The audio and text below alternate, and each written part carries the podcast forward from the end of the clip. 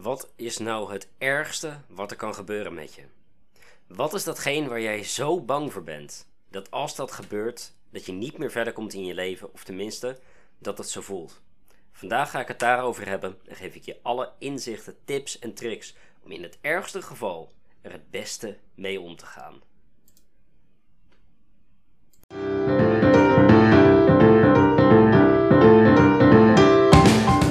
Mijn naam is Damien Hogenoren en ik ben een van de jongste jongere coaches en ervaringsdeskundigen van Nederland. Welkom bij de podcast en laten we direct starten. Is dat ziek worden? Is het ongeneeslijk ziek worden? Misschien je dierbaren verliezen, misschien je ouders, je broer, je zus of je zussen. Stoppen met je baan, je studie niet halen. Of misschien wel dat jij jezelf verliest. Natuurlijk zijn alle dingen die ik zojuist besprook verschrikkelijk en hoort niemand dat mee te maken. Maar toch gebeurt het. Dus wat is toch de reden daarvan? Hoe kan het dat sommige mensen zo ontzettend vastlopen in het leven, ongeacht hun eigen stomme rotschuld misschien in sommige gevallen? En hoe komt het dat sommige mensen dat nou totaal niet meemaken? Waar kan dat toch vandaan komen? Is het voor de lessen? Is het puur kans? Is het ongeluk? Zit er een groter plan achter? En natuurlijk de aloude vraag: waarom jij? Waarom ik? Heel eerlijk, ik ben echt van mening dat iedereen in zijn leven een aantal dieptepunten moet behalen, moet meemaken om te leren hoe hij of zij moet leven.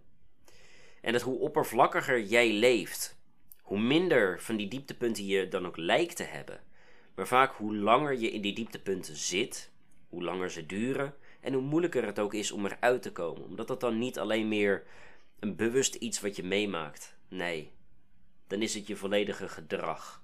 En dan heb je een uitdaging. Terwijl juist de personen die voor de diepgang gaan van het leven weer meer last hebben van de hele diepe dalen in een korte periode. En waarom die korte periode? Dat is puur omdat ze weten wat ze kunnen doen om het beste te maken van de situatie die er nu is. En daar heb ik een mooi voorbeeld voor. Een goede pokerspeler heeft natuurlijk mazzel als hij goede kaarten heeft. Maar zal sowieso wel winnen door het spel te snappen, omdat hij zich niet laat beperken door de hand die hij of zij krijgt, maar dat hij speelt met de kaarten die hij heeft. En natuurlijk is bij poker ook veel bluff in het spel, maar er is ook in het leven veel meer bluff aanwezig dan dat het eigenlijk zou horen en dan dat je zou verwachten. Maar ik ga het over het ergste geval hebben. Mijn ergste geval, mijn ergste nachtmerrie op dit moment, zou het zijn. Zou, zou het verliezen van mijn moeder zijn. Mijn moeder betekent namelijk echt alles voor me. Die is er altijd geweest. En mijn pa en mijn broer ook. Maar ik weet niet, het is toch, de band die ik met mijn moeder heb, die is toch heel anders. En ik weet ook van mezelf dat alle obstakels van werk, van inkomen, mentale, fysieke, spirituele en relationele gezondheid en uitdagingen, dat ik dat ten alle tijde zal weten te tackelen en een oplossing zal vinden. Maar dat het verlies van mijn moeder iets is waar ik geen antwoorden op heb.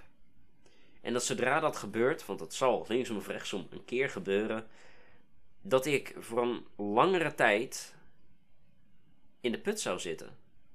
Dat ik opnieuw getest word en mezelf er weer in moet vinden. En ik ben ook vrij zeker ervan dat dat niet even iets is wat ik dan met een weekje of een paar maanden weet te doen. Dat dat echt jaren van me gaat vragen om, ja, om de knop weer om te zetten en mezelf er weer te vinden.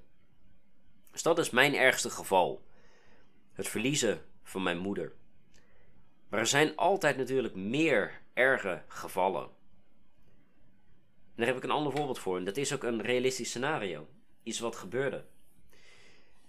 Drie jaar geleden reset ik mezelf. En dan had ik dat niet weten te doen in 2019. Dan had ik er letterlijk een week later niet meer geweest.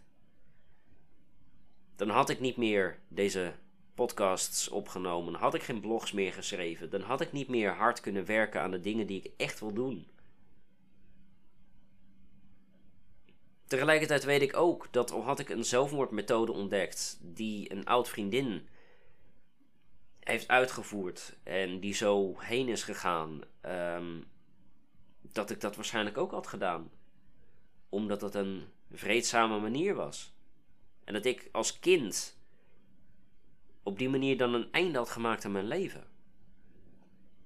En in het leven zijn er dan ook heel veel momenten waarop je getest wordt. Dat hoort er ook bij. En ik ben eigenlijk wel van mening dat we vaker op het randje lopen dan dat we zouden horen te lopen. En dan waar we ook daadwerkelijk bewust van zijn. Dan dat we beseffen dat we vaker eigenlijk met de dood of het einde spelen dan we horen te doen. waarom zeg ik dit dan allemaal? Want het is behoorlijk beladen. En het is omdat het oké is. Omdat het oké is om af en toe na te denken over het ergste geval. niet om je erop voor te bereiden, maar zodat je ergens rekening mee kan houden.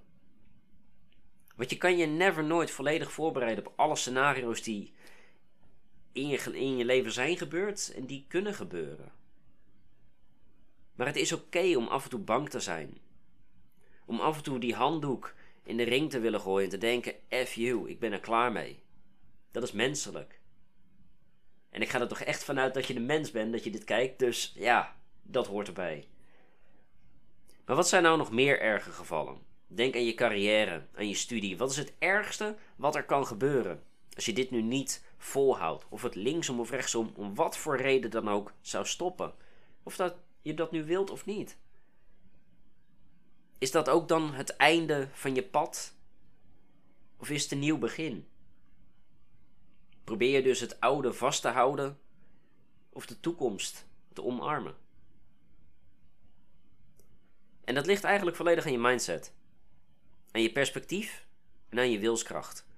Want van nature zijn we als mensen doemdenkers. En dat was er puur om te overleven. Want in een wereld die ooit was, daar waren er heel veel gevaren. Want we moesten altijd nadenken over ieder gevaar wat er achter een bosje kon schuilen.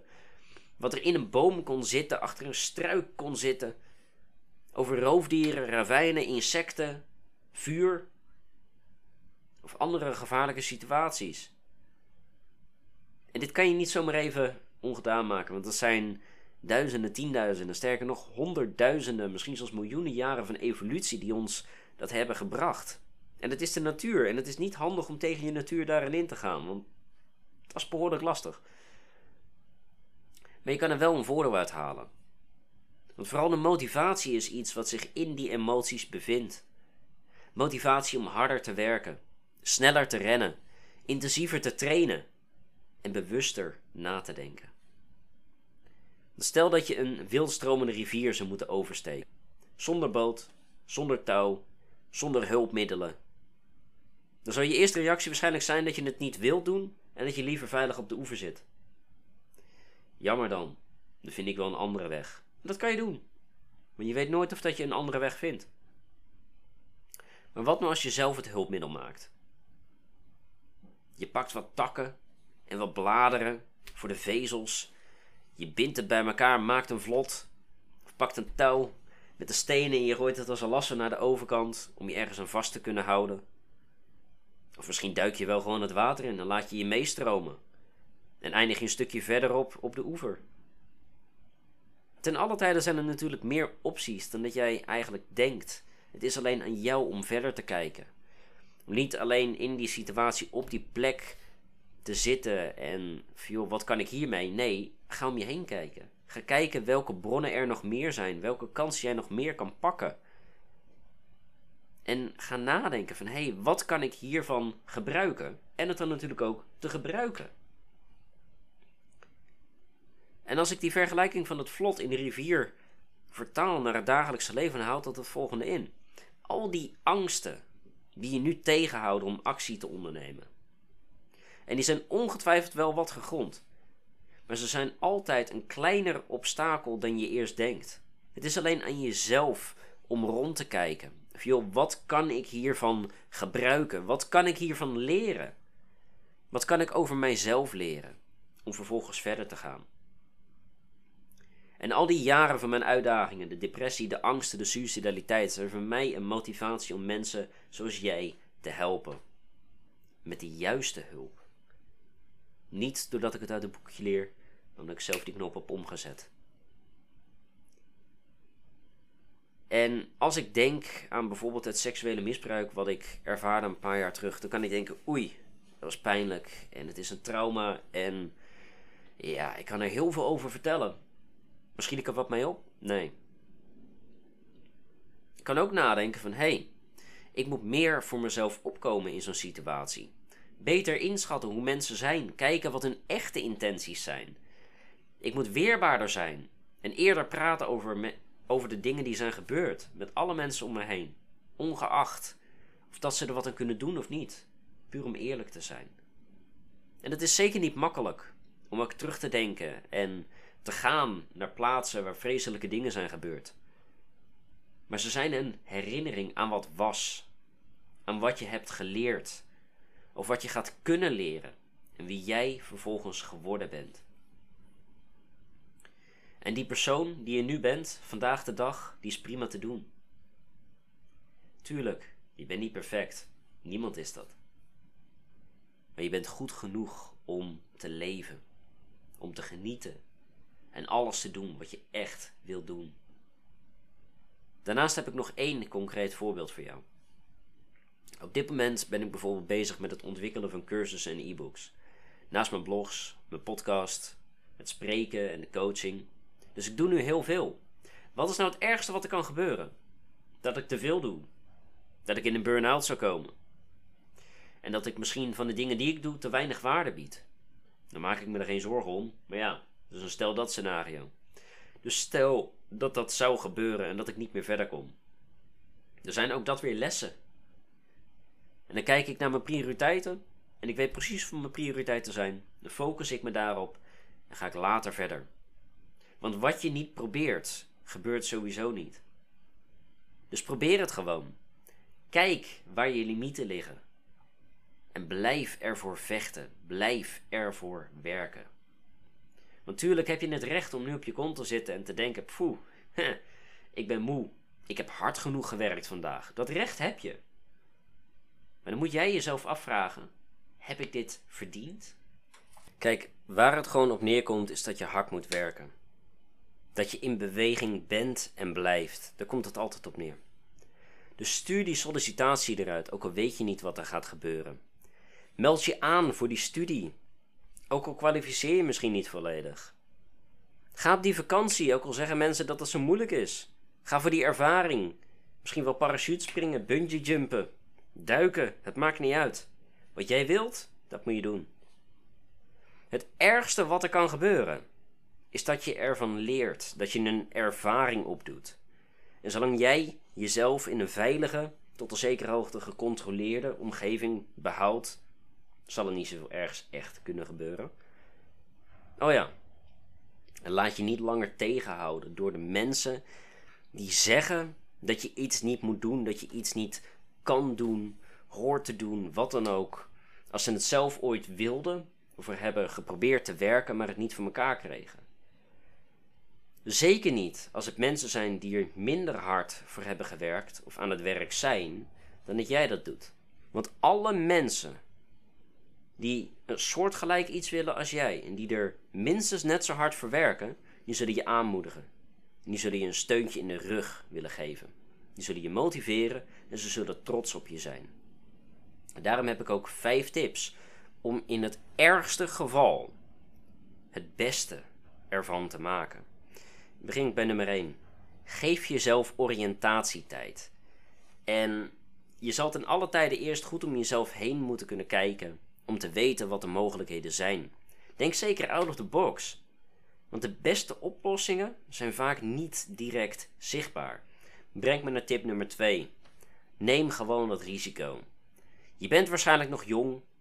Je hebt nog niet zo heel veel verantwoordelijkheden. Dus ga er gewoon voor. Ga het gewoon proberen. Ga die skills opdoen. En neem die sprong. Want je weet misschien niet waar je gaat landen. Maar ik kan je wel één belofte maken. Je gaat er later in je leven meer spijt van hebben om het niet te doen dan om het wel te doen. Dus doe het gewoon. Breng me naar tip nummer 3. Herinner jezelf van tijd tot tijd wat er mogelijk kan gebeuren. Niet om jezelf te beperken.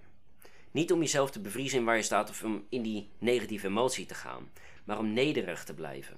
Humble te zijn. En dat klinkt verkeerd, Maar betekent gewoon dat je af en toe even tevreden moet zijn met wat je hebt, met wie je bent. En niet altijd meer, meer en nog eens meer moet willen. En het is ook heel goed om dan te kijken van joh, waar kom ik vandaan? Want daar ligt heel veel waarde, kan ik je vertellen. Breng me naar tip nummer 4. Leer van alle erge gevallen die je hebt meegemaakt. Alles wat je zag, wat je voelde, wat je hoorde, wat je dacht en wist, draagt namelijk bij aan je huidige keuzes. Zowel bewust als onbewust. Dus als je er toch al rekening mee houdt, doe het dan bewust. Dan kan je er maar beter goed over nadenken over de lessen die jij uit je verleden kan halen. Want het verleden is jouw verleden.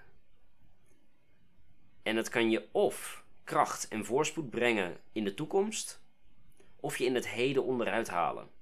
En het is slechts een kwestie van wat jij wilt en wat je toestaat. En waar je natuurlijk ook hard voor werkt. Breng me naar tip nummer 5. 5. Denk niet te veel na over de wat-alsjes van het verleden. Al die dingen die je had kunnen doen, had kunnen ervaren, kunnen voelen, anders had kunnen doen. Je weet wel waar ik het over heb, toch? Dat is absolute onzin. Want dingen hadden niet anders kunnen gaan. Anders hadden ze wel anders gegaan. Al die keuzes die je ooit hebt gemaakt, die had je gemaakt met de informatie, de kennis, de kunde die je op dat moment beschikbaar had. Dus je had dingen niet anders kunnen doen. En dan zou je terug in de tijd kunnen gaan, zou je exact hetzelfde doen. Want er zijn dan geen andere mogelijkheden. Dus focus je alsjeblieft op wat is en wat gaat zijn. Met de lessen uit wat was. En niet wat ooit kon zijn. Want die kans, wat kon zijn, daar heb je er maar één van. Dus gebruik die kans om je toekomst te maken. En niet om je verleden uit te denken. En dat brengt me naar de bonus van vandaag. Erken je emoties. Erken wat je voelt. Want wat je voelt, dat voel je.